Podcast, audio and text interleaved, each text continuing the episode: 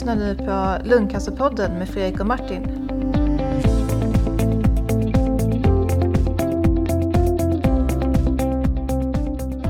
Hej och välkomna till Lungcancerpodden. Ja, det var ju ett tag sedan vi hördes senast men, men eh, det har runnit mycket vatten under broarna. Tjena Martin! Hallå Fredrik! Det var ju ett tag sedan va? Ja, ny vecka, ny podd är inte riktigt tillämpligt i det här fallet, så kan man väl säga. ny, ny månad, nu är det, fan, är det mars idag? Ja, nytt år. Eller är det sista februari? Ja, hur som helst. Ja, nytt, nytt år och fast jag får mig att vi gjorde en podd här i januari också va? Så att, ja, möjligen så är det fortfarande februari. Jo, men titta, det är fortfarande februari. Så det är en ny månad sen förra. Det var januari vi gjorde sist. Och eh, vi hinner med en podd i alla fall under februari. Så det är bra. Ja, verkligen. verkligen. Ja. Ja, vi får försöka lansera det här ikväll så att det verkligen blir en februari-podd då. Om det är april. Ja, just det. det är mars imorgon, ja. Just det. Ja, herregud. Ja. Mm, så är det. Man det, det, det är inte helt, nej, det är inte helt lätt heller när vi inte är direkt sända. Ja, det. Man måste tänka i många parametrar. Ja, ja. Verkligen. Eh, ha, ja, mycket... Mm. Ja, förlåt. Det snöar som tusan här ute. Man sitter insnöad här uppe på Södermalm. Det, det var värst. Ja, det... För vi har ett fantastiskt väder där i Uppsala. okay. Väder. Alltså det snöade ju som bara den häromdagen. Men nu så är det sån här riktigt skönt, nästan påskväder med vacker, klar sol och ganska krispigt eh, kallt ute liksom. Jaha, här är det jämnmulet. Ja. snöar. Usch då, stackare. Ja, verkligen. Ja. Ja, men jag får en känsla att man borde gå ut i garaget, valla skidorna och sticka ut och åka. Liksom. Okay. Det kommer jag förmodligen inte göra, men eh, man borde definitivt. Ja, men det är ju sportlov nu tror jag, här i trakterna. Så att, eh... Precis, för er. Vi hade förra veckan. Jaha, okej, okay, okej. Okay. Ja, ja, ja, så kan det vara. Eh, du, vad heter det? Idag tänkte vi prata lite om, eh, om eh, liksom, vad, vad händer om för de som får lungcancer idag. Ja. Alltså så här, tänk, tänk så här. Om jag, jag, jag blev sjuk 2013 och då var det rätt nytt mm. med det här med liksom, eh, ja, men EGFR och man kan ha andra mutationer. De, liksom, ALK var inte ens, jag vet inte ens om de, ja, de, de höll ju på med det. Men, ja, den kom där i krokarna. Men... Ja. ja. Men jag menar, det, det, måste ju vara väldigt skillnad. Och, och de avsnitten har ju liksom kanske lyssnarna lyssnat på. De här ja. Eh, och hört eh, det när jag fick eh, min resa började 2013. Men, men säg att jag skulle få det här idag då, 2018 istället. Ja. Ja, det har ju hänt jättemycket och det har vi ju behandlat under alla de här avsnitten egentligen, vilken utveckling det har varit. Men just när man, om man verkligen tittar 2013 till 2018 eh, får, det är ju ett femårshopp i princip. Eh, då har det ju, jag menar, det blir väldigt tydligt då hur snabbt utvecklingen har gått och, och, hur mycket mer man kan både förvänta sig och kräva tycker jag som, som patient i dagens läge. Eh, en, en tydlig sån eh, del är ju att de här standardiserade vårdförloppen har, har kommit så att man kan ju egentligen titta på de olika standardiserade, alltså beroende på vilken diagnos man, man eh, söker för då inom onkologin så, så kan man eh, ofta hitta då ett standardiserat vårdförlopp. Det finns på de här regionala cancercentren man, man kan läsa eh, och där finns det då stipulerat olika mål, eh, måltidsramar för, för utredning och starta behandling och så vidare. Det gör ju att det finns en helt annan transparens i, i eh, Eh, vården och kontaktsjuksköterskorna som har kommit mycket mera sista åren också. Som man kan kontakta och trycka på för att snabba på utredningar etc. Så att den biten tror jag är en, det är en oerhört stor skillnad mot vad jag tror att det var 2013 när du fick din diagnos. Eller vad, vad säger du? Ja precis, jag skulle säga det också att, att eh, Eh, standardiserat vårdförlopp har nog eh, rättat upp en hel del. Eh, eller liksom i alla fall att det finns en ram att förhålla sig till. Ja. Jo, och det, jag, alltså, sen är det ju så här att jag har ju varit med i de här grupperna som har utvecklat standardiserade vårdförloppet för, för just lungcancer till exempel. Eh, och eh, där, det är ju så att det här standardiserade vårdförloppet delvis kan man säga lite grann en utopi att 100% av patienterna ska kunna gå igenom ett standardiserat vårdförlopp inom tidsramen. Det är liksom inte möjligt för att det finns så många olika specialsituationer där man kanske har svårt att få någon riktig biopsi eller det kan vara så att man eh, får någon komplikation till någon undersökning eller vad det kan vara.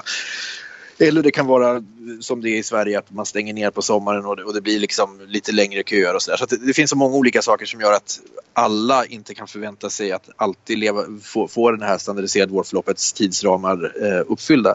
Men man kan åtminstone se ungefär vad som är rimligt och vad som är målet och, och, och det gör ju att man kan få en, bara en känsla för ungefär vad man kan förvänta sig och när ska man börja ringa till röntgen eh, röntgenavdelningen för att säga att hallå, liksom, det ska ligga en, en remiss hos er och jag har inte blivit kallad och har gått si och så lång tid. Liksom. Just det här så att man liksom får en, en man, man, man, blir mera man får ramar att förhålla sig till. Jag tror att det gör att man som patient kan känna sig mycket tryggare och den här tryggheten är ju, går liksom inte att överskatta tror jag betydelsen av att få känna sig trygg. Att, som många upplever just ovissheten i utredningsförloppet och inför diagnos och så vidare som kanske den värsta delen av hela sjukdomshistorien. Eh, alltså att, att inte veta är fasansfullt. Mm. Och då att, att ha så mycket att förhålla sig till som möjligt där, så mycket ja, rutiner, tidsramar, telefonnummer som man vet att man kan ringa. Eh, vem är ens ansvariga läkare och så vidare. Allt sånt gör att det här ovissheten minskar och att man, att man lättare klarar sig igenom det. Ja, just det. Just det. Ja, det, det, känns som en, en, en viktig grej. Och sen så tycker jag liksom det här med haglandet av eh, mediciner. Det har ju också. Det, det regnar ju manna från himlen får man ju säga. Precis. Jo, det har ju blivit en jätteskillnad där också. Alltså när, 2013 då när du eh, erhöll din diagnos så, så eh, var det ju först och främst så att man, eh, det, det tog ett litet tag innan man hittade den här EGFR-mutationen. Det kan ju vara så fortfarande i och för sig, va? Men, men eh, det var nog så att rutinerna då eh, var, var, mindre, mindre eh, ja, standardiserade och så vidare. Så det tog ofta lite längre tid. Man kanske var tvungen att specialbeställa just det EGFR-testet och så vidare. Eh, och sen så fanns det ju i det läget bara två eh, möjliga behandlingsalternativ. Idag så har vi väl tre än så länge i första linjen eh, just för EGFR-muterad lungcancer och sen så har vi ju ett som är på gång också och troligtvis kommer få en, en eh, indikation även i första linjen på sikt här. Eh, så att vi har åtminstone fyra alternativ och sen så har ju alla de här ALK läkemedlen tillkommit. Det är ju en hel uppsjö, säkert fyra, fem läkemedel som är aktuella idag. Som ju även täcker in andra mutationer som eh, ROS1 och MET och så vidare. Så att eh, det, och, och, just att, att man kan förvänta sig att få en mycket bredare sån här molekylärpatologisk analys i dagsläget är också en jättestor skillnad. Alltså att, eh, 2013 så var det, det, definitivt, eller det var obligatoriskt att man skulle bli EGFR-testad. Eh, men sen ALK var väl inte helt eh, obligatoriskt på den tiden och sen så de här övriga då MET eh, HER2, eh, ROS1 och så vidare. De hade vi ingen, inte tillgång till alls, men de finns idag och är det så att man har någon sån mutation så kan det finnas möjlighet att få behandling i senare linjer med en sån här specifik, specifikt targeted therapy. Mm. Eh, så det är ju en jättestor skillnad. Vad det gäller cytostatikabehandlingen så är den väl relativt likartad. Det har kommit till något enstaka preparat som eh, ja, kan vara lite lindrigare vad det gäller biverkningar och sådär men det är väl ingen enorm skillnad eh, sen 2013 skulle jag säga. Det har blivit mera utbredd med utbredd med sån underhållsbehandling. Alltså att man eh, efter att man har, om man svarar bra på sin behandling så brukar man få en underhållsbehandling eh, med cytostatika Eh, så länge man svarar så att säga. Ja, eh, och det, det, får man anse vara liksom standard of care idag för de patienterna som, ja, som har effekt och som tolererar behandlingen tillräckligt bra.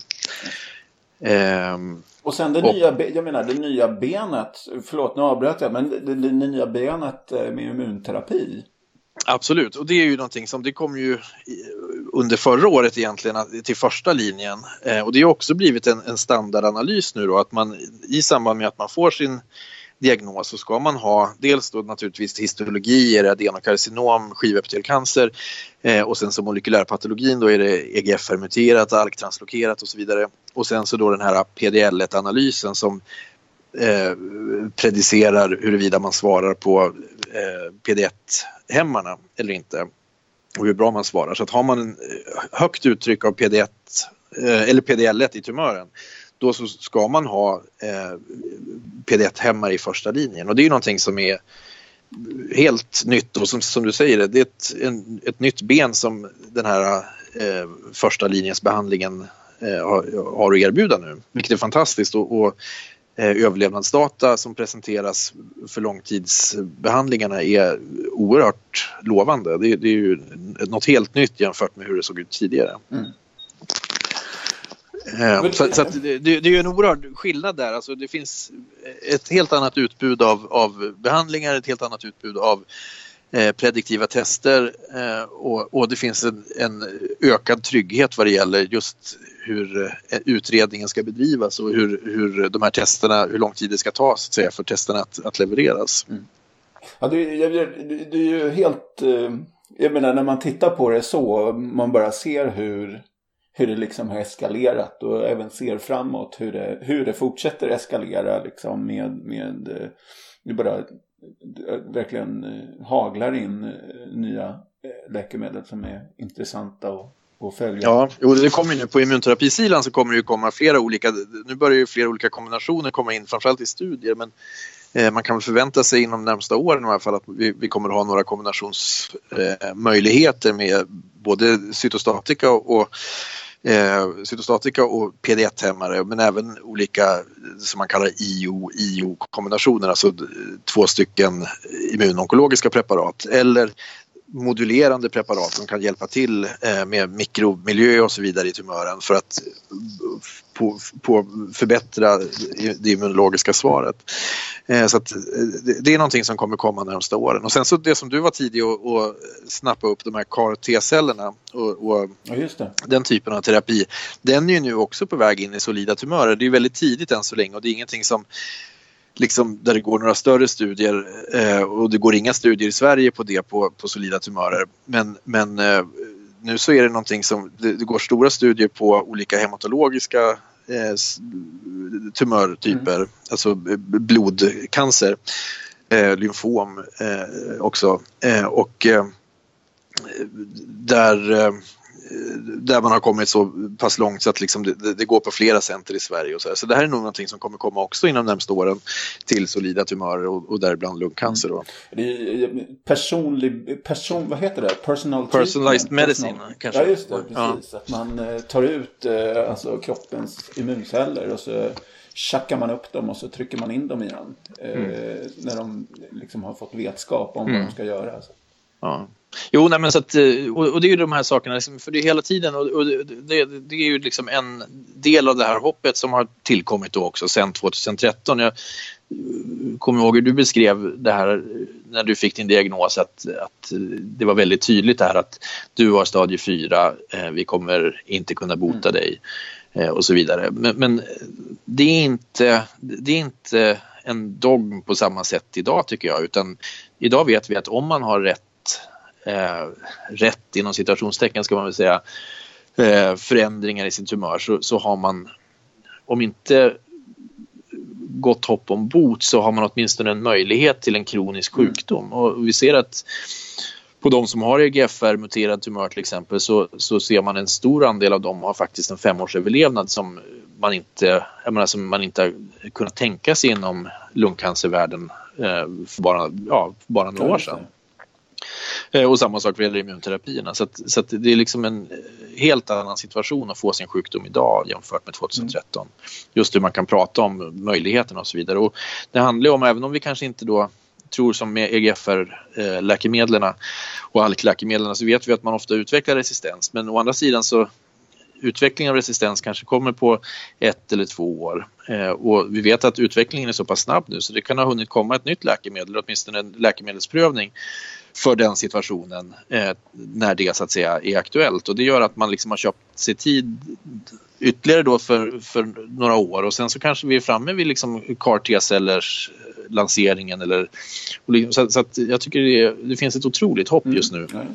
Och det är viktigt att ta med sig tycker jag när man får sin diagnos eh, nu då att, att, det, att man inte lever kvar allt för mycket i den här gamla traditionella ödesmättade eh, samtalet utan att man faktiskt kan så det här hoppet som faktiskt finns också. Sen så är det självklart så att, att för vissa så kommer det här hoppet tyvärr inte att kanske leda till Alltså att det kommer inte besannas så att säga men, men, men för, för, för många kommer det göra det. Och det är viktigt tror jag att ta med sig det in i behandlingen så att man orkar med behandlingen och orkar kämpa och att kroppen är så stark som möjligt. Liksom. Visst, visst. Ehm, Ehm, en annan sak som jag tycker också är viktig som har kommit med de här standardiserade vårdförloppen och också lite grann tror jag fokuset som har varit på från cancerföreningar och så generellt eh, är ju den här ökade möjligheten till psykologiskt stöd och, och cancerrehabilitering och så vidare. Det är ju fortfarande lite grann i sin linda men det, jag tycker diskussionen eh, har vaknat och, och, jag är övertygad om att det här kommer vara ett stort fokusområde framöver. Att man kommer kunna,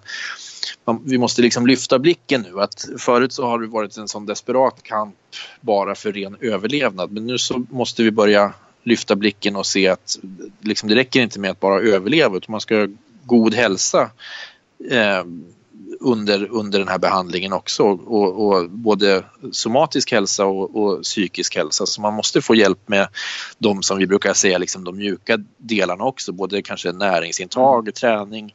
Ja. Eh, jag brukar se liksom min, eller hälsan som en sorts eh, eh, liksom pyramid. Det, det liksom, bara man liksom rättar till det där lilla såret man har på fingret så liksom blir mm. man det kan göra så, så mycket för den totala hälsan. Liksom, det är verkligen mm. det är de små grejerna man gör. Att man har ont i foten eller att man, man, liksom, man när man tar hand om det trots att det inte är liksom livsavgörande. Eh, det mm. kan göra så en himla stor total liksom. Eh. Ja men absolut och, och, och det är en analogi, förlåt Fredrik, eh, är just det här hur, hur nästan domedagsmässig man kan känna sig när man har liksom tandvärk eller eh, mag, är sur i magen eller något. Man går omkring och känner liksom hela vardagen blir ju som grå och trist och, och, och misslyckad och liksom eh, det, det, är ofta relativt lätt avhjälpt och, och det är någonting som vi måste ta till oss, att vi måste ta nästa steg också. Det, gäller, det hjälper liksom inte eller det är klart att det, det absolut mest primära är ju att se till att människor räddas från sin cancersjukdom och att man håller tillbaks den dödliga sjukdomen så att säga. Men samtidigt så kan man inte släppa det där för det, det, det man måste sikta högre och vi, vi måste vässa det här liksom, så att man verkligen, målet ska ju naturligtvis vara att komma tillbaka till ett så normalt liv som möjligt. Ja precis, jag, jag, jag, håller, jag håller helt med. Det,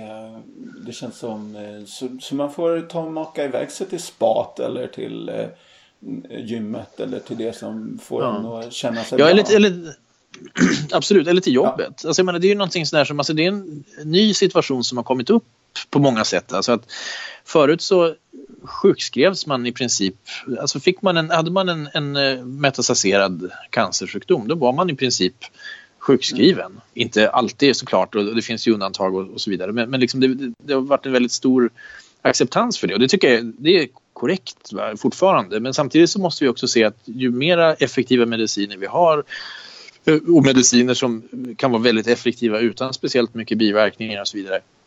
Då måste vi också börja tänka på hur kommer man tillbaks till sitt jobb? Alltså, liksom, det är ju inte bara livsnjuteriet som, som eh, kommer in. Och det vet man ju också att liksom de här vardagliga sakerna, alltså, de är jätteviktiga för, för livskvaliteten. Att komma tillbaks till jobbet, att känna sig behövd, att, att uh, känna att liksom, det var inte bara att jag överlevde utan jag kom faktiskt tillbaks till vardagen. Som, och vardagen låter ju småtråkig men, men det är faktiskt det som ofta skapar livskvalitet. Mm, mm.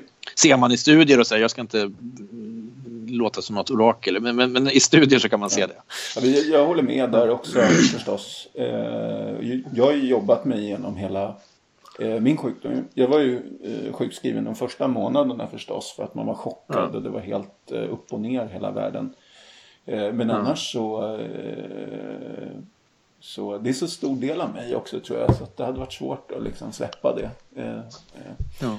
Men sen förstår jag såklart folk som väljer att inte mm. göra det. Men, men det, det, kan, ja, du får en känna sig lite mer normal så att, och det är väl bra. Mm. Nej, men, och en viktig del där tror jag, liksom, som en reflektion också, är ju att tyvärr så är ju sjukskrivningsreglerna ofta lite stolpiga sådär att, att eh, man ska vara sjukskriven 25% eller 50% eller 75% eller heltid eller liksom vad det nu är. Men, men poängen är ju att ofta så kan man ju vissa dagar ha en, en, ganska god arbetsförmåga och sen så dagarna innan man ska på återbesök eh, efter en röntgen kanske man inte har någon arbetsförmåga alls för man är så förbannat nervös och, och, och ångestfylld inför det här besöket. Man kan inte koncentrera sig. Eh, men, men så, att, så, att, just det att kunna liksom hitta ett sätt att personanpassa sjukskrivning, sjukskrivning jag tror jag skulle göra att man mycket lättare kunde komma tillbaks till ett ett eh, arbets, arbets, eh, en arbetssituation som, som funkade. Det tror jag skulle spara enorma pengar för, för samhället och det skulle också ge möjlighet för folk att, att må bättre. Eh, istället för det här att man var lite rädd för Försäkringskassan, att de ska ställa till med någonting, så skulle man samarbeta med dem. Det vore ju en utopi kanske. Men, Nej, men så jag, jag, tror vi, vi har kommit till en punkt där vi liksom börjar lyfta på blicken nu och, och liksom vi måste börja titta på de här omgivande systemen eh, så att vi verkligen kan se till att inte bara skapa det här hoppet utan också faktiskt erbjuda riktigt bra livskvalitet. Då tror jag vi har kommit jättelångt på väg. Det låter bra. Det är skönt att, att eh, vi är där på något sätt. Eh, eller vid den nivån att, att det inte bara är att liksom släcka bränder. Jo, nej, men, och, och, det är ju någonting som har hänt tycker jag sen 2013 också. Att, att även för de som... 2013 så visste vi att hade man en EGFR-mutation så, så hade man en betydligt bättre chans att, att eh, med mindre biverkningar kunna leva ett väsentligen normalt liv så att säga. Eh, men nu har ju den möjligheten kommit till en betydligt bredare eh, patientgrupp då, genom att de här immunterapierna har kommit. Och, så, så nu så är det på något sätt dags att se på helheten och, och, och verkligen just som, som, du säger, att inte bara släcka bränder utan att, att veta att okej, okay, har, man, har man fått branden under kontroll då kan man faktiskt börja planera för liksom eftersläckning och, och uppbyggnad också. Um, du, ja. och, och, vi har ju hållit på och poddat här sedan jag menar, 12 maj 2016 så la vi ut första avsnittet. Ja, shit. Ja, nästan två år. två år, liksom eh, ja. regelbundet varannan dag. Eh, eller inte ja. riktigt, men... Ja, och jag menar, för, för det var ganska precis ett år sedan va, som, som du firade tre år, eller firade och firade, eller jo men det kan man säga. Fyra. Fyra år för ett år sedan. Ja, fy, nej, fyra år. I november, den 27 november firade jag min cancerversary eh, för fyra år. Okej, okej. Okay, okay. Just det, ja shit. Ja, jag, är ja, men, på, jag jobbar på mitt femte nu. Ja, kanon.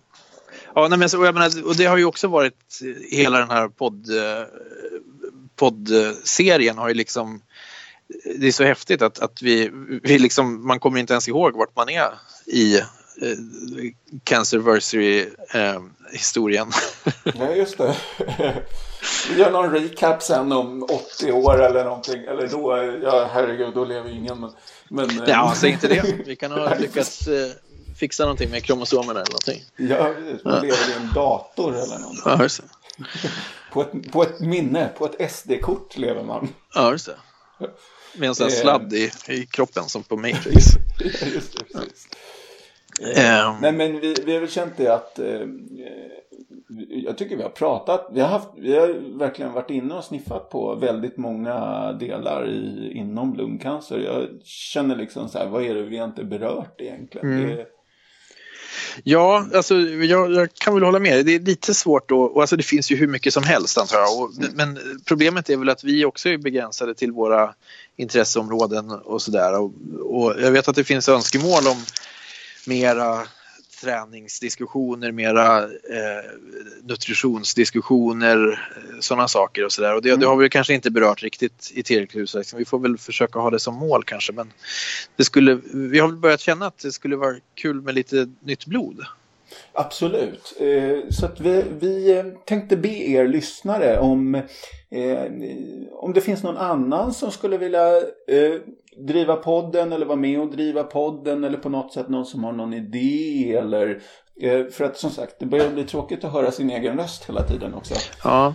Jo, ja, lite grann så. Och man känner sig lite så här, jösses. Eh, det blir, framförallt så känns, får man lite dåligt samvete för det känns som att de som väntar på ett nytt avsnitt och sen så hör de typ så bara, ah, men gud, det där är ju en eh, repris på avsnitt 33.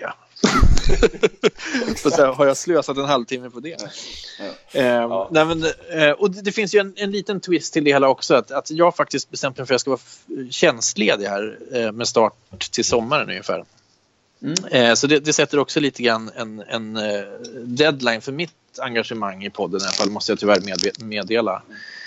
Um, så, så att, lite grann så är det nu. Vi kastar ut en, en uh, lina här till våra lyssnare och uh, säger att uh, har man en riktigt bra idé, så, eller riktigt bra, har man en bra idé, har man en idé så får man gärna höra av sig. och vi det är den all... nivån vi håller. Nej, men, och det, alla förslag är supervälkomna och eh, vi finns som eh, stöd och råd och kan eh, vara med och utveckla idéer och så vidare också. Som sagt, eller så blir det en tidsdokument i, i lilla rymden här ett tag tills vi om tio år drar igång igen eller någonting. Precis. Men det roligaste vore, tycker jag, att, att om det finns någon annan som vill liksom engagera sig i Lungcancerpodden eller på, på något sätt har någon idé om hur eh, hur man skulle vilja ta det vidare och vad man, jag menar, ja. ja. Jo men precis, jag, jag tror att det finns ett jätteviktigt, det känner ju vi, vi får ju jättemycket eh, positiva, uppmuntrande och fantastiskt, jag menar, det är det som gör att det är så himla kul att, att göra den här podden att man får så mycket feedback från, från lyssnare och så. Eh, och, och det, så det finns ju ett behov av att, att den ska leva vidare. Jag tror att det är jätteviktigt just för att fortsätta hålla liksom trycket uppe på politiker och på vårdgivare och på läkemedelsindustrin och allting. Att, att verkligen se till att ha patienterna i fokus hela tiden. Mm. Eh, så jag, jag, tror att det finns supermycket nytta att, att ha det här sättet att nå ut. Liksom. Ja, ja, just det. Så, men men vi, vi, vår ambition är att vi ska fortsätta några avsnitt till här och försöka hitta på saker. Vi får väl ta de här träningsidéerna till exempel. Ja, just det. Just det. Det är ju du lite grann expert på. Som gammal maratonlöpare. Ja, jo. Och tyngdlyftare. ja, I min 20-årsålder, då höll jag ju faktiskt på. Det är ju, jag är ju 40 nu alltså. Uh -huh. men, men i 20-årsåldern där, då höll jag faktiskt på att lyfta rätt mycket vikter. Och då var jag rätt då är jag lite större än vad jag är idag. För idag är jag en rätt smal och lång kille. Liksom. Du är mänsklig, så kan man säga. men då var jag stor och stark och arg. Nej, det var arg var jag inte. Men, eh, ja. men, det, ja, men lite träning vore roligt att prata Ja, vi får, om det är någon som kan någonting om träning så får man gärna höra av sig. Och annars får vi snacka med någon bra hälsoguru som finns i krokarna av oss på något sätt. Ja, ja men det finns. Vi återkommer helt enkelt i frågan. Ja. Du, eh, roligt att snacka lite igen. Nu är vi igång igen här ett tag. Ja, för tusan. Ja. Och eh, dessutom då levererat lite grann det här eh, chockbeskedet. Men vi hoppas att vi ska kunna lösa det tillsammans med lyssnarna. Ja, det gör vi. Coolt. Super. Vi hörs ja. nästa gång. Det gör vi. Ha det bra Fredrik. Hej. Tack för att du lyssnade på Lungcancerpodden med Fredrik och Martin. De senaste avsnitten hittar du alltid på lungcancerpodden.se eller i din podcastapp.